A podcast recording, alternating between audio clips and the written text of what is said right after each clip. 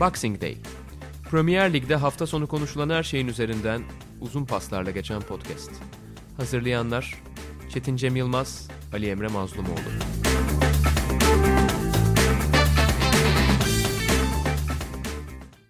Sokrates Podcast'e hoş geldiniz. Boxing Day'de ben Ali Emre Mazlumoğlu, Çetin Cem Yılmaz'la birlikteyiz. Bu hafta sonu itibariyle İngiltere'de öne çıkan konuları ve takımları konuşacağız. Ama öncesinde Sokrates derginin Temmuz sayısının yayında olduğunu hatırlatalım. Hem online'da hem de raflarda satın alınabilir durumda ki İngiltere Premier Lig takipçilerinde severek okuyacağı yazılar var. Onlardan biri Caner Eder'in David Dean'le yaptığı röportaj ki David Dean'i Arsenal'da uzun süre başkan yardımcısı olmasıyla hatırlıyoruz. Hem Arsene Wenger dönemi hem de ondan önceki son şampiyonlukta Arsenal'ın en yakın isimlerinden biri, o sürecin figürlerinden biri aslında. Yine Emre Özcan'ın Werner, Timo Werner yazısı var. Chelsea'ye gelecek, neler yapabilecek, neler katabilecek üzerine. Ve Fatih Demirel'in de Kevin Prince Boateng röportajı olduğunu söyleyelim. Ve bütün bu yazılar okunması için bekliyor diyelim ve konularımıza yavaş yavaş geçelim. İstersen bu ligin yeniden start almasından itibaren ligin en iyi takımını bence konuşalım. Bu hafta sonu itibariyle herhalde bu konuda bir şüphe kalmamıştır. Bu soruya cevap verenlerin büyük çoğunluğu Manchester United diyecektir muhtemelen. Zaten United lige ara verilmeden önce de ligin ikinci yarısı itibariyle çok özel bir form yakalamıştı. Bruno Alves'in de şey Bruno Alves nereden geldi?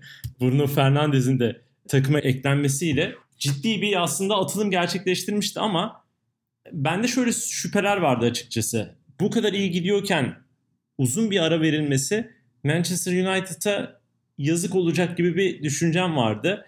Çok iyi bir form yakalamışlardı, iyi gidiyorlardı ama dönüşte aslında tam da kaldıkları yerden hatta üzerine koyarak o oyunu oynamaya, sahaya kendi futbolunu yansıtmaya devam ettiler. Ki şimdi bakıyorum döndükten sonra 5 maç oynadılar. Bu 5 maçın 4'ünü kazandılar. İlk maçta zaten Tottenham maçıydı. Orada da berabere kaldılar. Sen bu dönüşü ve dönüş sonrasını nasıl değerlendiriyorsun United için? Böyle başlayalım. Sezon boyunca iyi sinyaller de veren ama arada da çok kötü mağlubiyetler alan bir takımdı Manchester United. Ocak ayındaki Bruno Fernandes transferi gerçekten çok bir kırılma noktası oldu. O zaman da konuşuyorduk. Hatta yani yazın çok uğraştılar, alamadılar ve hani tıpkı Liverpool'un Van Dijk transferi gibi Ocak ayını beklediler ama beklediklerine değdi. Yani ilk maçından itibaren açıkçası United'ın o aradığı hem forvetleri besleyen hem o kapalı savunmaları açan oyuncu olduğunu göstermişti. Aynı zamanda bir de duran top tehditini de eklemiş oldu Manchester United. Bir anda birkaç sorunu birden çözdü. Hatta penaltı problemi vardı onu bile çözmüş oldu Bruno Fernandes'le. Dolayısıyla artı yani pozitif bir transfer olduğunu zaten biliyorduk. Ama United'a gerçekten ara birkaç anlamda çok yaradı. Hem Marcus Rashford ve Pogba'nın sakatlıklardan dönmesi. Bunun üzerine belki hani bir anlamda Bruno Fernandes'in de takıma yeterince belki de hani adaptasyon anlamında da faydalı olması gerçeği var. Yani sonuçta çok uzun süre o 3 ayı oynamadan geçirdi ama bir şekilde belki takım arkadaşlarıyla temasta olması olmuş olabilir, hocasıyla olabilir, belki Manchester'ın havasına adapte olması falan filan ki bazen Portekizli, İspanyol oyuncular için bu bir dezavantajdır. Bütün bunların da aslında belki de geride kalmış olmasını sağladı. Bir de üstüne 5 değişiklik hakkı aslında bazı takımlara çok fazla yaradı. Ya yani bunlardan bir tanesi Manchester United oldu denebilir çünkü belki işte Mason Greenwood çok daha fazla devreye gidebiliyor. Şu anda zaten artık ideal 11'in de bir parçası haline geldi ama hani zaten genç oyuncuların da daha fazla devreye girebildiğini, en azından, en azından dakika alabileceklerini falan öngörüyorduk. Bu anlamda deneylere de açık bir Premier Lig formatı var. Manchester United özelinde zaten çok fazla üzerlerinde bir baskı da yoktu. Ligin şu anda seyircisiz ve bu halde oynanıyor olması bir anlamda böyle sanki hazırlık turnuvası tadı var. Ama Manchester United'ı gördüğünüzde tamamen oyundan zevk alan, şu anki birlikte oynamaktan, oynadıkları oyundan, hocalarıyla birlikte olmaktan keyif alan bir oyuncu grubunu görüyoruz. Bu gerçekten United'da çok uzun yıllardır görmediğimiz bir şey. Yani David Moyes dönemi zaten faciaydı. Louis van Gaal döneminde aslında dönem dönem iyi zamanlar yaşandı. Louis van Gaal çok fazla genç oyuncu devreye soktu. Ama onda bile taraftarların bazen oynanan oyundan çok fazla heyecan duymadıkları bir dönem olmuştu. Mourinho dönemi zaten hepimizin malumu. Şu anki atmosfer United'ın gerçekten 2013 sonrası, Alex Ferguson sonrası en pozitif havasına denk geliyor. Ve Solskjaer de üst üste 3 maçta da 11'ini hiç bozmadı. Bunu aslında çok aşırı rotasyoncu bir hoca değil. Hani çoğu internette bir tane hemen bir yalan bir bilgi döndü. Bunu United 10 yıldır yapmıyormuş falan filan diye. Yok aslında Aralık ayında yapmış en son bunu Solskjaer zaten. Fakat yine de bu kafasındaki takımın bu olduğunu işte Greenwood, Martial ortalarında Rashford, Fernandez, Pogba falan filanın ideal dizilişi olduğunu da kabul etmiş ve hani bunu da göstermiş durumda. Her şey çok pozitif görünüyor açıkçası. Bu da enteresan şeylerden bir tanesi. Pogba'nın geri dönüşü soru işareti yaratıyor gibiydi. Ama gayet Pogba gelir gelmez onu 11'e de takıma da monte etti ve hani McTominay Fred ikilisini bozmaktan da çekinmedi. Bu bence çok değerli bir şey. Yani bazen teknik adamlar bazen çok rigid, çok katı olurlar felsefelerinde, dizilişlerinde. Fakat Solskjaer elindeki en iyi oyuncuları önce tahtaya yazan tipte bir hoca olduğunu ve oyuncularını da bu anlamda kazanmaya e, açık olduğunu gösterdi. Yani Pogba ile bazı problemler yaşadığını hatırlıyoruz. Sanki medya önünde restleşmeler vardı falan filan işte sağlık ekibi şudur budur diye. Ama bütün bunların geride kaldığını da gösteriyor. Bence pek çok anlamda oldukça pozitif dediğin gibi bir ligin yeniden başlamasından bu yana her anlamda hem oyun anlamında hem skor anlamında hem de atmosfer anlamında en rahat takımlardan bir tanesi. Yani Liverpool'un şampiyon olmasını kenara koyarsak kesinlikle United bu dönemin en parlak takımı şu anda.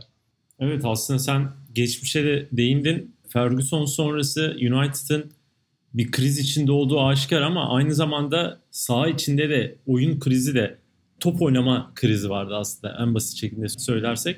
Bence şu anki United sanki Ferguson sonrası da en iyi futbolunu sahaya koyabilecek bir potansiyele sahip olduğunu gösterdi ki bunu ara ara zaten yapabiliyor.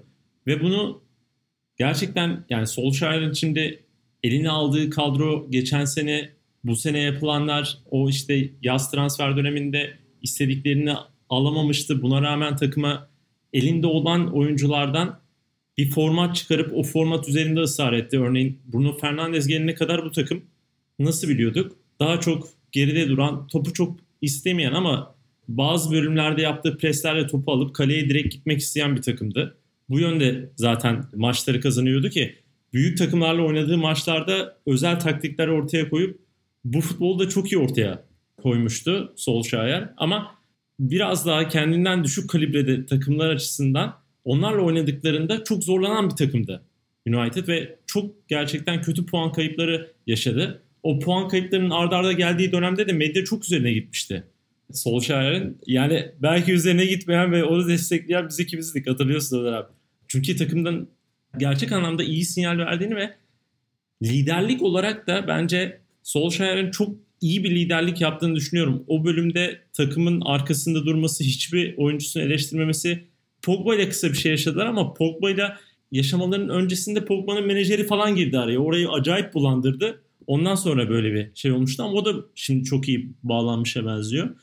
Ve tabii ki Bruno Fernandes'in gelmesiyle birlikte asıl istediği oyunun Manchester United'ın oynaması gereken oyunun sahaya da ciddi anlamda yansıttığını görüyoruz. Yani şimdi bunu yapmak hakikaten kolay değildir. Bir takımı iki farklı taktik anlayışta bir sezon içerisinde bu dönüşümü gerçekleştirmek bence çok zor bir şey. Ve bunu çok iyi yaptığını düşünüyorum Solskjaer'in.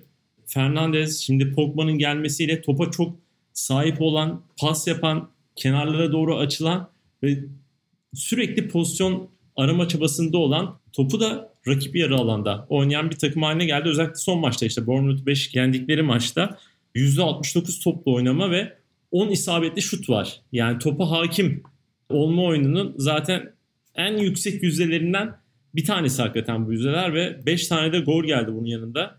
Yani çok iyi sinyaller verdiğini söylemek çok doğru olur United için. Özellikle gelecek sezon takımda böyle çok tuhaf şeyler yaşanmazsa gelecek sezonda bunun üzerine koyacağını düşünüyorum ve yani şampiyonluk için ya şimdi, şimdi şampiyonluk için çok zor bir mesele. Liverpool'un yani Liverpool ve Manchester City'nin daha doğrusu ikisinin birlikte şu arşa çektiği çıtaya rakip olabilmek çok zor ama gelecek sezonda neler getireceği belli olmayacağı için United sanki oralarda olacağının sinyallerini bir süredir veriyor gibi.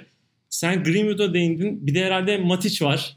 Çünkü o da Tottenham maçında sonlarına doğruydu yanılmıyorsam oyuna girdi. Ondan sonra da vazgeçilmezi haline geldi Solskjaer'in. Ortada Pogba ve Matic var ve Matic de çok özel bir oyun sergiliyor. Böyle çok derine inip oradan top çıkarıyor. Zaman zaman üçlü stoper gibi davranıyor. Zaman zaman önde davranıyor. Ve Pogba ve Bruno Fernandes'in de ileride topla buluşmasını sağlıyor bir anlamda. O da çok güzel bir performans gösteriyor. Sanki oyuncuların da tıpkı Klopp gibi en iyisini alma konusunda hakikaten ustalaşabileceğini de gösteriyor Solskjaer bence. Evet mesela Pirlo'nun hangi pozisyonda, hangi konumda daha doğrusu verimli olabileceğini hep yıllardır tartışıyoruz. Hem İngiliz medyası tartışıyor hem genel olarak hani bizler de. Bu adam nasıl Juventus'taki kadar iyi olabilir diye konuşuyoruz. Şimdi Pogba açısından bazen kaleye çok fazla uzak kalması bir dezavantaj.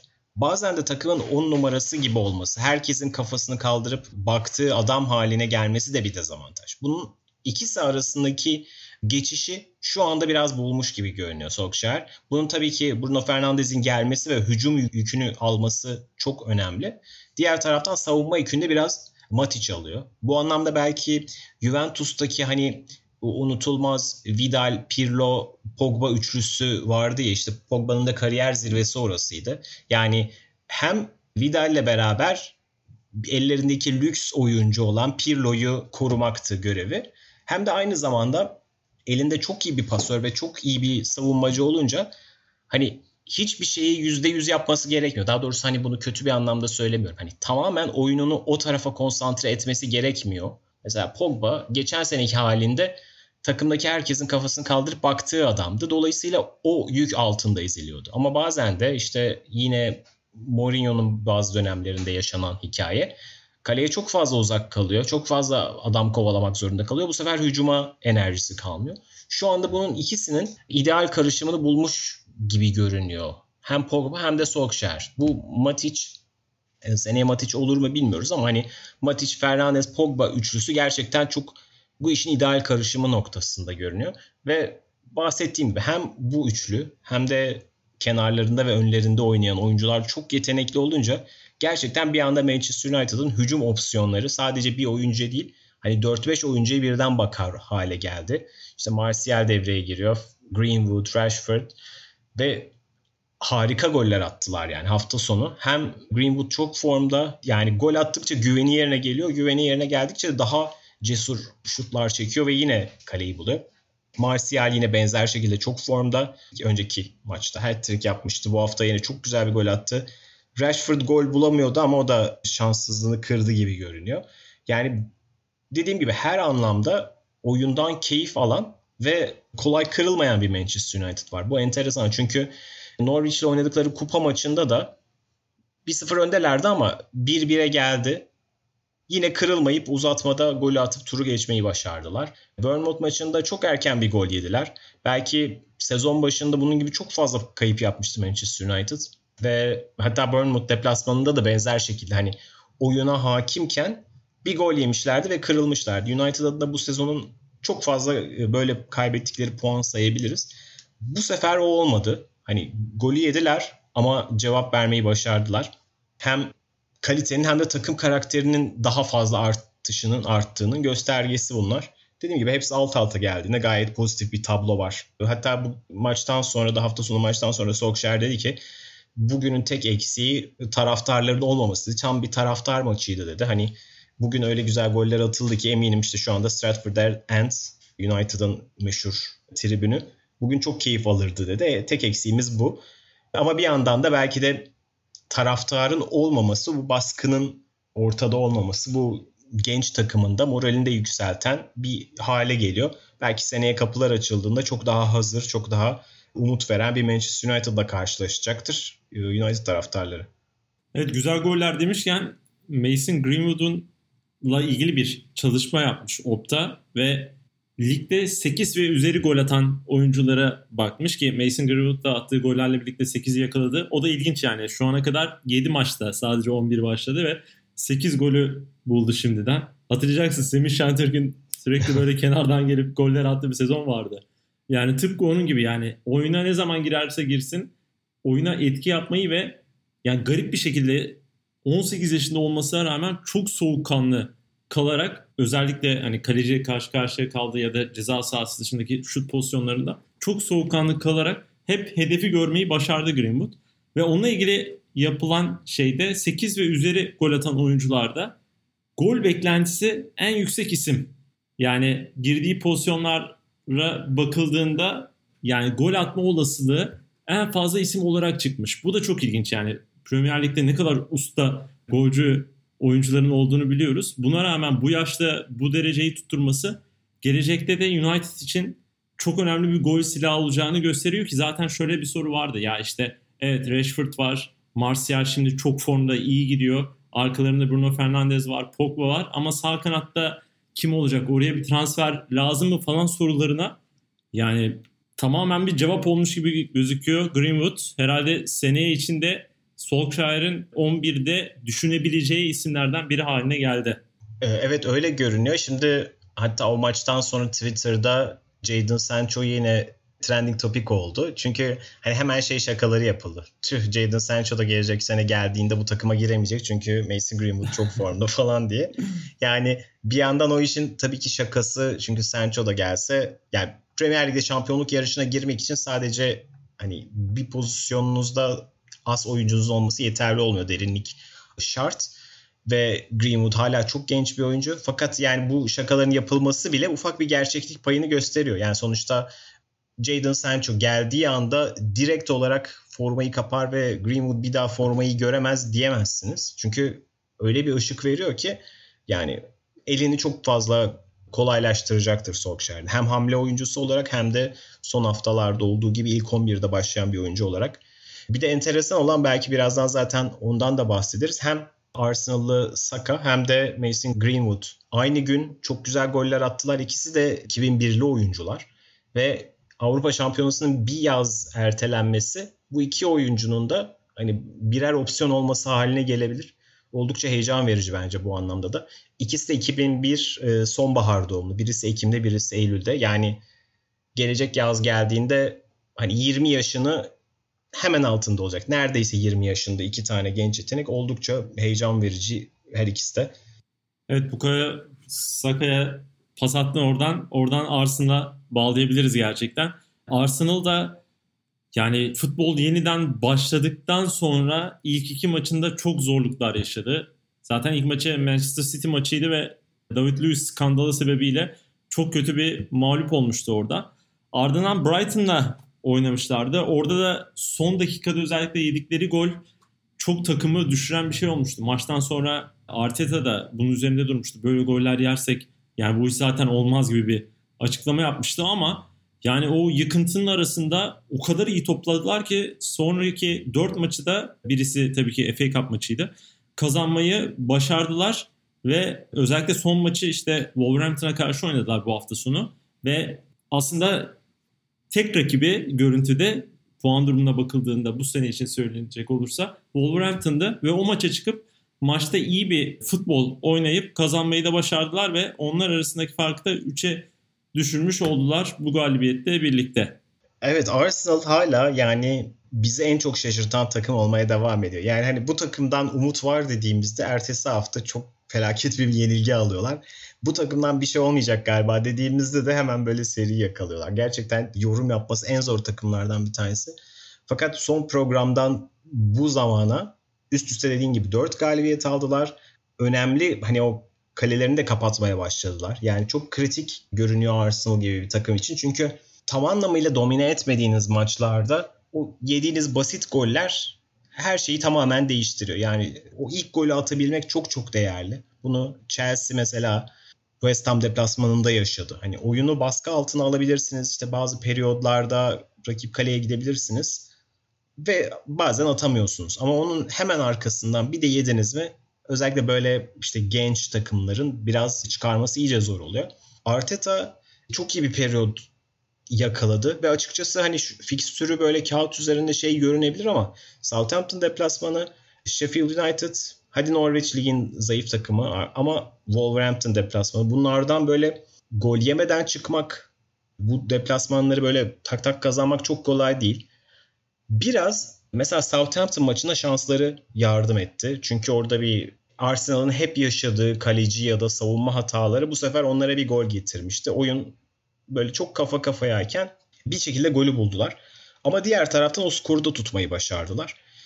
Wolves maçında da enteresan bir hikaye oldu. Oyunun bazı dönemlerinde topu tamamen Wolves'a bıraktılar. Ama bazı dönemlerinde de oyunlarını da oynadılar. Yani oyun içerisinde farklı karakterlere de büründü Arsenal ve ligin aslında en zor savunması, en zor takımlarından bir tanesine karşı çok iyi iş çıkarttılar denebilir. Yani işte Traore'si, Jimenez'i, Nevez'i falan filan denirken aslında bayağı silahı olan bir takımdan bahsediyoruz Wolves. Ve üstelik evinde oynuyor. Çok zor gol yiyorlar falan filan. Ki yanılmıyorsam aradan dönüldükten sonra Wolves yenilmemişti ve gol de yememiş miydi? Öyle bir şey. Şimdi çok yanlış bilgi de vermiş olmayayım ama. Evet evet şeyden aradan sonraki ilk golünü yediler. Evet doğru. Gollerini daha doğrusu. Doğru. Ve yani bu sahada işte ligin en formda, en zor yenilen takımlarından bir tanesine çıkıp burada bu net skoru almak çok değerliydi ve maç içerisinde dediğim gibi hani o geçişleri yapmaları heyecan vericiydi. Bu anlamda işte beni çok etkileyen oyuncu Saka çünkü yani bu sezon sol bekte oynadı. Orta sahanın solunda oynadı. Forvet'in sağında da oynadı bu hafta.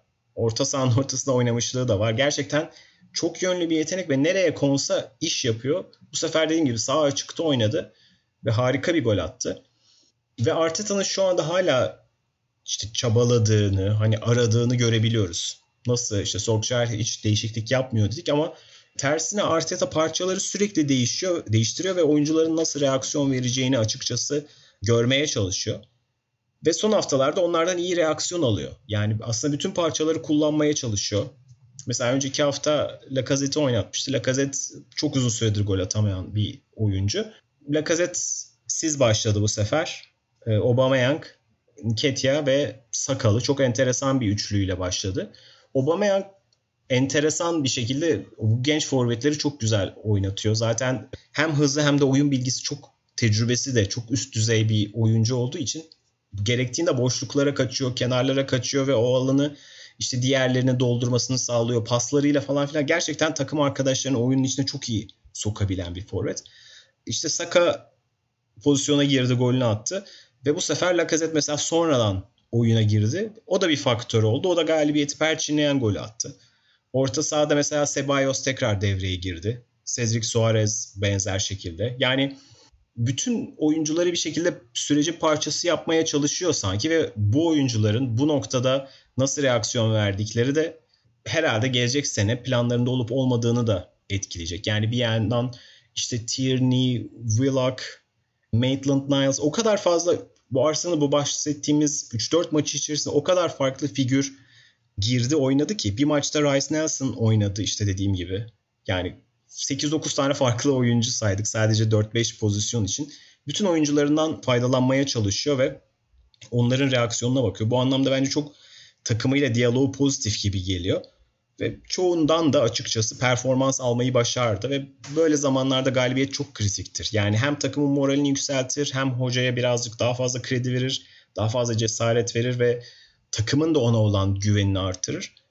Ve yine Wolves maçından sonra da işte hani tam bahsettiğim Brighton maçından sonra ne kadar umutsuz böyle mutsuz bir konuşma yaptığını hatırlıyorsak Arteta'nın Wolves maçından sonra da bir o kadar umutluydu. Dedi ki işte biz böyle yükseleceğiz dedi. Hepimiz beraber takım olarak acı çekeceğiz. Takım olarak efor sarf edeceğiz ve beraber kazanacağız dedi. İşte böyle olduğu sürece de başarı gelecek dedi.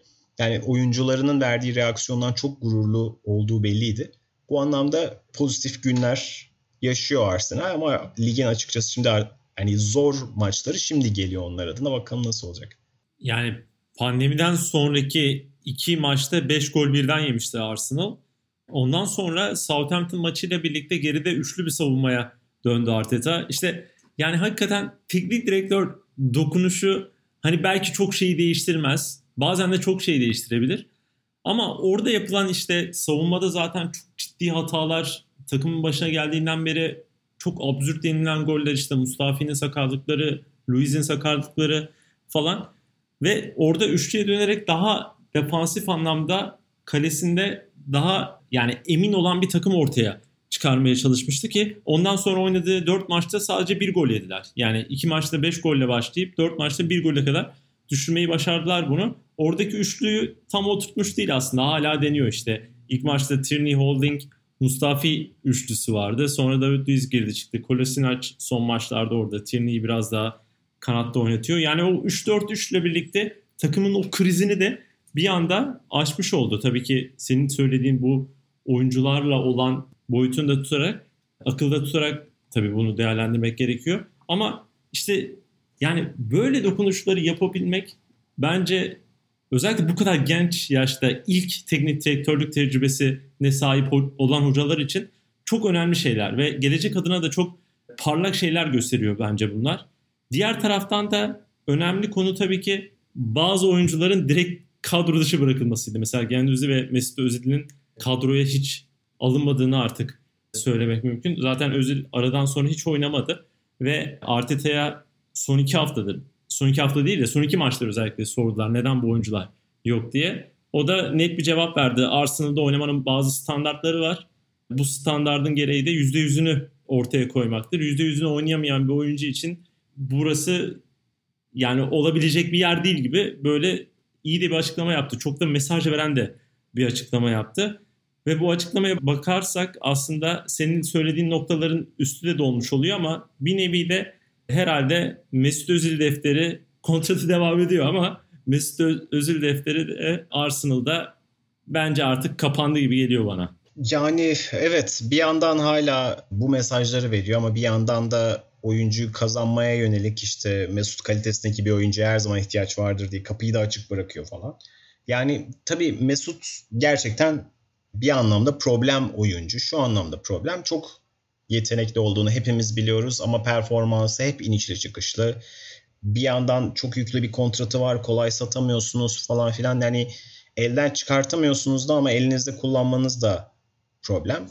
Bir şekilde devreye sokamadı açıkçası ve aslında yani Mesut Özil eğer Norwich maçında oynamadıysa hani bir daha bu sezon sonuna kadar zor forma giyer gibi geliyor. Şimdi bir anda gerçi çok şaşırtabilir biz Arteta. Çünkü gerçekten yani bu son 3-4 maç içerisinde herkesi kullandı.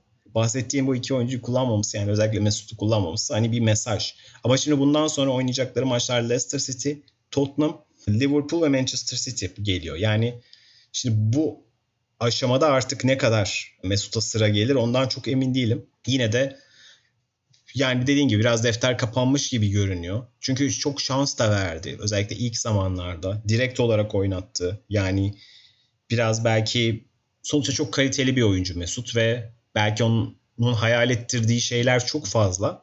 Ama sahadaki gerçekler bir o kadar o hayal ettirdiğinden uzak. Dolayısıyla ben ona şans vermeyen teknik direktörleri hiç suçlayamıyorum artık. Buna zamanda Emery de çok fazla e, maruz kaldı. Arteta da kalacaktır ama Mesut'un artık hani o sıçramayı yapacaksa kendisini yapması lazım. Hocanın şans vermesinden ziyade. Bakalım. evet yani zaten Arteta'nın Mesut'u eleştirdiği konuda şey konusu değil işte bazı hatalar yapıyor, iyi oynayamıyor falan. Bu eleştiri değil. Eleştiri %100'ünü veren Arsenal standartlarını sağlayabilen bir oyuncu değil. Zaten bu bir mental kopuşu da işaret ediyor. Buradan toparlaması bence çok çok zor gibi duruyor. Yavaş yavaş o defter kapandı gibi ama bir yandan da kontratı devam ettiği için ve inanılmaz çok para ödendiği için bir şekilde bazı adımlar da atılacaktır herhalde seneye için.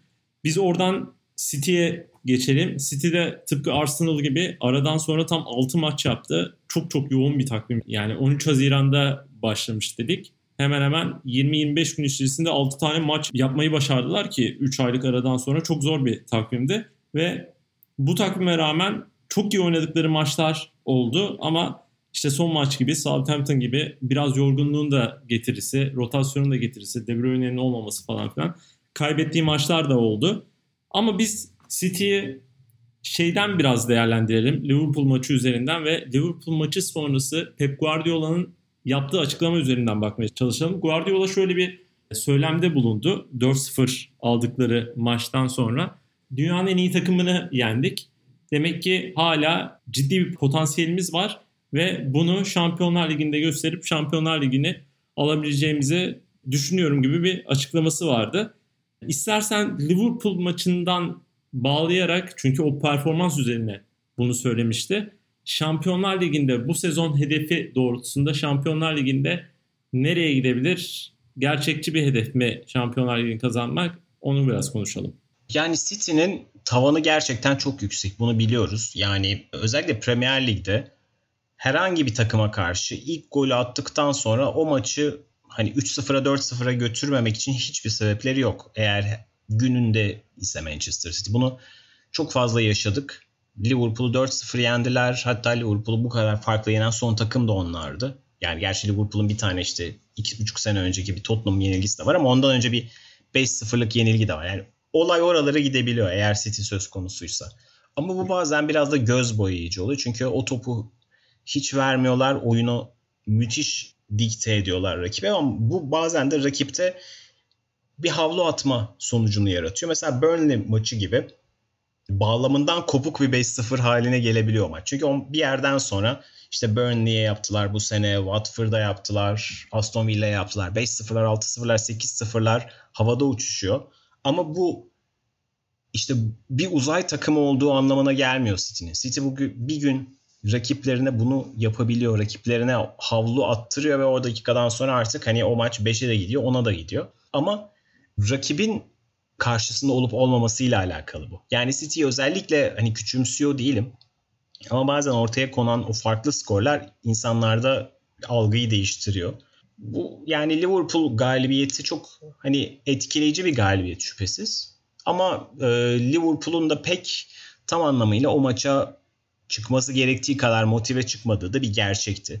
Bunun biraz şeye benzetiyorum ben 2012-13 sezonuydu galiba. Galatasaray şampiyonluğunu ilan etmişti Süper Lig'de. Sonra Kadıköy'e geliyordu. O sırada hani o yenilmezlik serisi devam ediyordu hala. Ve hani Galatasaray 10 puan farkla falan liderdi zaten. Şampiyonluğunu ilan etmişti. Yani dolayısıyla Fenerbahçe'den belirgin olarak, puantaj olarak daha önde bir takımdı. O gün konsantre olup yenmeleri gerekiyordu falan filan o seriyi bitirmek için ama onu yapamadılar. Fenerbahçe yine Vebo'nun golleriyle kazandı. Çünkü Galatasaray orada biraz daha şampiyonluk havasıyla çıkmıştı. Ve yapamadı bunu. Mesela 2012'de benzer bir şey Liverpool Chelsea arasında yaşandı. İki takım kupada karşılaşmıştı. Kupada kazanan Chelsea oldu. Birkaç gün sonra ligde karşılaştılar. Chelsea'nin artık ligde çok bir iddiası yoktu. Yedek kadroyla çıktı. Liverpool 4-0 kazandı. Yani bu her zaman bir gösterge olmayabiliyor maç trafiği içerisinde. Liverpool en iyi gününde değildi.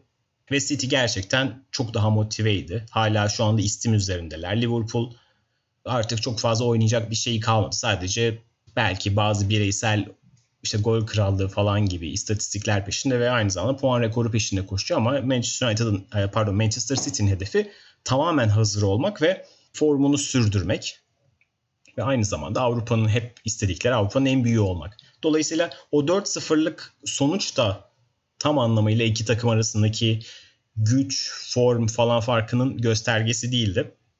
Buradan şuna bağlayacağım. Yani City'nin bu sene aldığı 9. mağlubiyetti yanılmıyorsam. Yani ligin en fazla yenilen ikinci takımı da değiller artık. Yani üçüncü takımı konumundalar. Wolves'dan bile daha fazla yenilgileri var. Yani 6-0, 7-0, 8-0 kazanan takım mı Manchester City? Yoksa gidip Newcastle'a puan kaybeden, Norwich'e yenilen, Southampton'a yenilen takım mı Manchester City? Aslında biraz bunların ikisi de. Yani gününde oldu mu çok başka bir sonuç çıkartabiliyorlar ama biraz da direnç sahibi bir takım olduğunda bunu açmakta zorlanıyorlar. Ve birazcık belki çok iddialı olacak ama Şampiyonlar Ligi örneğinden yola çıkacağım. Yani De Bruyne'suz bir Manchester City yani Premier Lig'in şampiyonluğunu bırak yani böyle orta seviyenin biraz üstündeki takımlar noktasında görürüm ben. Yani orta seviye derken kastım şu. De Bruyne'i bu sezon hiç oynatmadığını düşün. Yani herhalde Manchester United'dan daha iyi bir sezon geçirmezdi bence Manchester City. Bu sene gerçekten inanılmaz bir performans ortaya koydu ve takımın çok fazla defosunu kapattı. Ve birazcık Manchester City'nin kamuoyunda çok büyük bir gücü olmadığı için bireysel ödüllerde çok fazla adı geçmiyor. Yani mesela 2014 yılında Liverpool'un şampiyonluk mücadelesi verip sonunda yine City'ye kaptırdığı sezon bütün bireysel ödülleri Luis Suarez toplamıştı. Bu sene aslında yani Kevin De Bruyne aslında bazı ödüllerde adı geçebilir. Ama o kadar yoğun bir baskı yok bence. Muhtemelen ödül yine bir Liverpool'lu oyuncuya gidecek diye tahmin ediyorum. Yani bunu şunun için söylüyorum. Kevin De Bruyne çok inanılmaz bir sezon geçirdi. Ama hala herkes bunun çok fazla farkında değil. Ve takımını da bir iki gömlek yukarı çıkarttı. E şimdi ben Guardiola'nın dediği evet bugün dünyanın en iyi takımını yendik ama futbol modlarla alakalıdır diyor. Bir gün çok yüksek olursunuz, bir gün çok düşük olursunuz diyor. Aslında bunu takımını çok güzel özetlemiş. Dolayısıyla bugün iyi durumdaydık ve e, dünyanın iyi takımı diyebileceğimiz bir takımı yendik. Dolayısıyla bugün bunu yapabiliriz diyor. Ama bugünkü yani Southampton'a yenilen City tabii ki bunu yapamaz. Bundan kastettiğim ne? Şampiyonlar Ligi'nde finale çıkmak. Hatta şu anda Real Madrid'i bile deplasmanda kazandıkları maça rağmen hala saf dışı bıraktıklarına kesin gözüyle bakamıyorum. Ben o kadar cepte göremiyorum. Çünkü Real Madrid çok hani kazanma kültürü olan bir takım. Ve Kevin De Bruyne'ın formunun farkındayım. Fakat hala savunma problemlerini çözememiş bir tane Manchester City var. Hala çok acayip komik goller yiyorlar. Chelsea'ye karşı yedikleri golün bir benzeriydi aslında Southampton'a karşı yedikleri gol. Yani o çıkarkenki top kayıpları çok fazla canlarını yakıyor. Benzer şekilde aslında o gol yani hem dediğim gibi Chelsea'ye yediklerine benziyor hem de Manchester United'a da benzer bir gol yemişlerdi. Yine Ederson önde yakalanmıştı falan filan. Bu tip hataları, bu tip problemleri yaşıyorlar. Agüero deseniz zaten sakatlığın eneli sezonu kapattı. Leroy Sané gitti. Laporte'un dönmesi bu sürecin artısı hala tam devreye girebilmiş değil. Ama açıkçası Manchester City bana Avrupa'nın en iyi takımı havasını vermiyor. Yani bütün flash galibiyetlere karşın. Çünkü yumuşak karınları çok belirgin. Hani Real Madrid'de elediklerini varsayalım ki o bile hala iki hafta önceki kadar çantada keklik görünmüyor bana o turda. Şimdi Bayern Münih gerçekten çok daha sağlam. Juventus o bildiğimiz Juventus olmaya daha yakın ve çok çok formda ön adamları. Savunma zaafını düşünürsek Manchester City'nin yani Ronaldo ve Dybala'nın formuyla baş edecek kadar sağlam bir savunması olduğundan emin değilim City'nin. Bütün bunları düşündüğümüzde ben açıkçası yani şamp yanılmıyorsam bahis şirketlerine göre falan filan Bayern Münih'le e, Manchester City en büyük iki favori olarak görünüyordu. Ben yani şu anda üçüncü sıraya falan yazarım bu bütün bunları düşündüğümde. Evet Liverpool maçında mesela sen değindin. Benim için de maç ya böyle skora bakınca tabii ki 4-0 ve yani almış yürümüş gitmiş bir takıma karşı 4-0'lık bir galibiyet kazanmak olağanüstü bir şey. Buna bir şüphe yok ama oyun olarak yani özellikle ilk 15-20 dakikayı düşündüğümde yani Liverpool sürekli önde basıyordu. Manchester City'nin o kadar zorlanmıştı ki top çıkarmakta. Birçok top kaybı yapmıştı. İşte Ederson çok fazla toplu oynamak zorunda kalmıştı falan. Ama sonrasında bir penaltı Joe Gomez'in garip yaptığı bir penaltı. Ardından da kontra atak golü ve ondan sonra maçta çok garip bir hale geldi zaten. Böyle hiç sanki böyle Liverpool Manchester rekabeti olmamış gibi bir şeye büründü maç o noktadan sonra. Ya dolayısıyla oyun olarak böyle 4-0'ı tamamen hak eden bir oyun ya da yansıtan bir oyun var mıydı? Ben o konuda çok şüpheliyim. Bir diğeri de ya hakikaten City'nin kadrosunda ciddi problemler var ya. Yani şu ana kadar o problemler çok açığa çıkmamıştı. Çünkü takım tam bir makine gibi o kadar iyi oynuyordu ki herkesin oynadığı roller iyi belirlenmişti ve orada aksiyan oyuncular dahi o rolün içerisinde tutunabiliyorlardı bir şekilde. Ama şimdi yani sol bekte mesela Zinchenko'nun oynaması aslında garip bir şey. Zaten bugün daha doğrusu son maçta yaptıkları hatadan da gözüküyor. Ya da işte savunmada yani Laport geldikten sonra Laport'un ikilisi kim yok yani. Her an hataya müsait bir savunma yapısı ortaya çıkıyor. Yani Fernandinho'yu oraya çeksen sonuçta ortada bir boşluk oluşuyor. Fernandinho ortada olduğunda savunma ikilisinde sorun oluyor falan. Yani o anlamda kadro yapısı olarak da sorunlu ve böyle tekledikleri maçlarda işte makinenin işlemediği maçlarda bu sorunlu yapı daha çok kendini gösteriyor ve daha böyle yumuşak yapıyor City'yi. O nedenle herhalde bazı maçlarda makinenin çalıştığı maçlarda belki kopup gidiyor ama yani zorlandıkları maçlarda da çok yumuşak gözüküyorlar bazı noktalarda. Senin de altını çizdiğin gibi. Yani o anlamda City'nin tabii ki City yani şu anki haliyle bile olduğu her kupada favoridir. Yani Premier Lig'in başında da e, kimse Liverpool şampiyon olacak. Belki futbol kamuoyunun %10'u Liverpool şampiyon olacak diyordu. O da biraz Liverpool duygularıyla. Onun dışında Manchester City'ydi. Yani şimdi Şampiyonlar Ligi'nde evet bu haline rağmen hala en büyük adaylardan biri ama bu sorunları da hesaba katıyordur muhtemelen Guardiola ve yani çok zaten hani Ağustos'ta oynanacak falan oraya gelene kadar ne olacak işler belli değil. İşte yeniden Covid sayıları artıyor, vaka sayıları çok yükseliyor falan bilmiyoruz ama hiç o boyuta gelmeden bile City'nin ne yapacağı bence çok muallak yani. Pandemiden bağımsız olarak söylüyorum. Bu oyun yapısıyla e, Şampiyonlar Ligi'nde finale kalabilecek mi, kupayı alabilecek mi? Çok muallak olarak görüyorum ama bir yandan da Guardiola da işte çok acayip böyle insanları bulunduğu takımı işte koçlardan, malzemecilerden bütün oyunculara kadar bir hedefe kitleme konusunda yani muazzam başarılı olan bir teknik direktör. Aynı Klopp gibi. O nedenle belki de o dokunuşları yapıp bu sorunu çözmeye çalışacaktır ama işi bence de senin bahsettiğin gibi çok zor gözüküyor.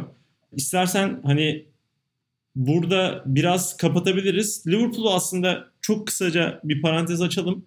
Çünkü onlar da şampiyon oldular. Sonraki maçlarında artık şampiyonluk alkışları çerçevesinde sahaya çıkıyorlar.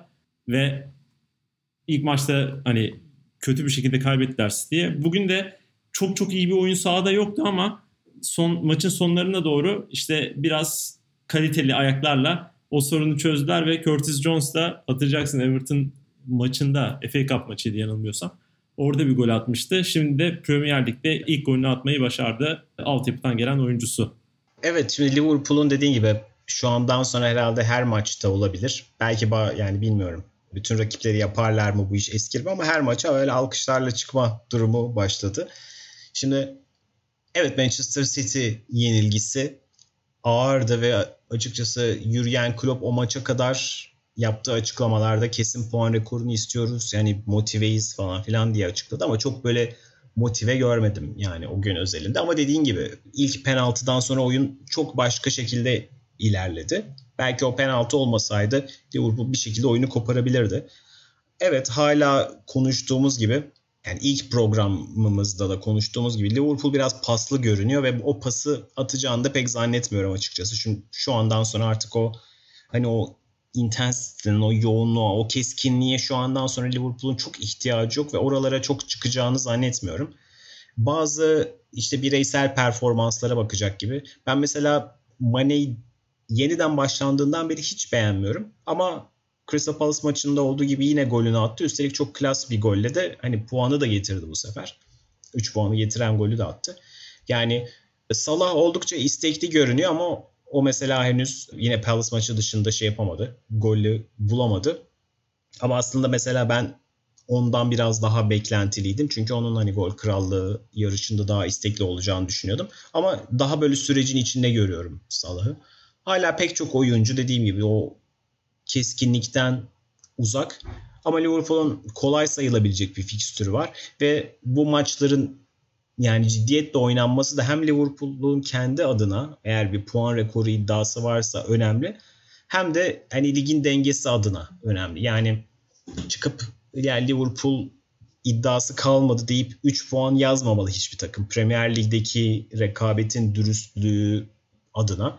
Dolayısıyla Liverpool'un bence mümkün olduğu kadar kazanabiliyor olması anlamlı. Tabii ki her takım özellikle bu maç periyodundan bahsediyorsa haftada iki tane maç oynuyorsa tak tak tak bütün maçlarını kazanamaz. Hele Liverpool gibi artık sezonun sadece artık hani dakikalarını doldurmakla, yasak savmakla geçirecek olan takım için fazlasını bekleyemeyiz. Ama önemli olan buralarda çıkıp hani düzgün mücadele etmesi, taraftarlarına keyif vermesi ve tam da bahsettiğin gibi biraz böyle gelecek sezona dair umut verici gençleri devreye sokması.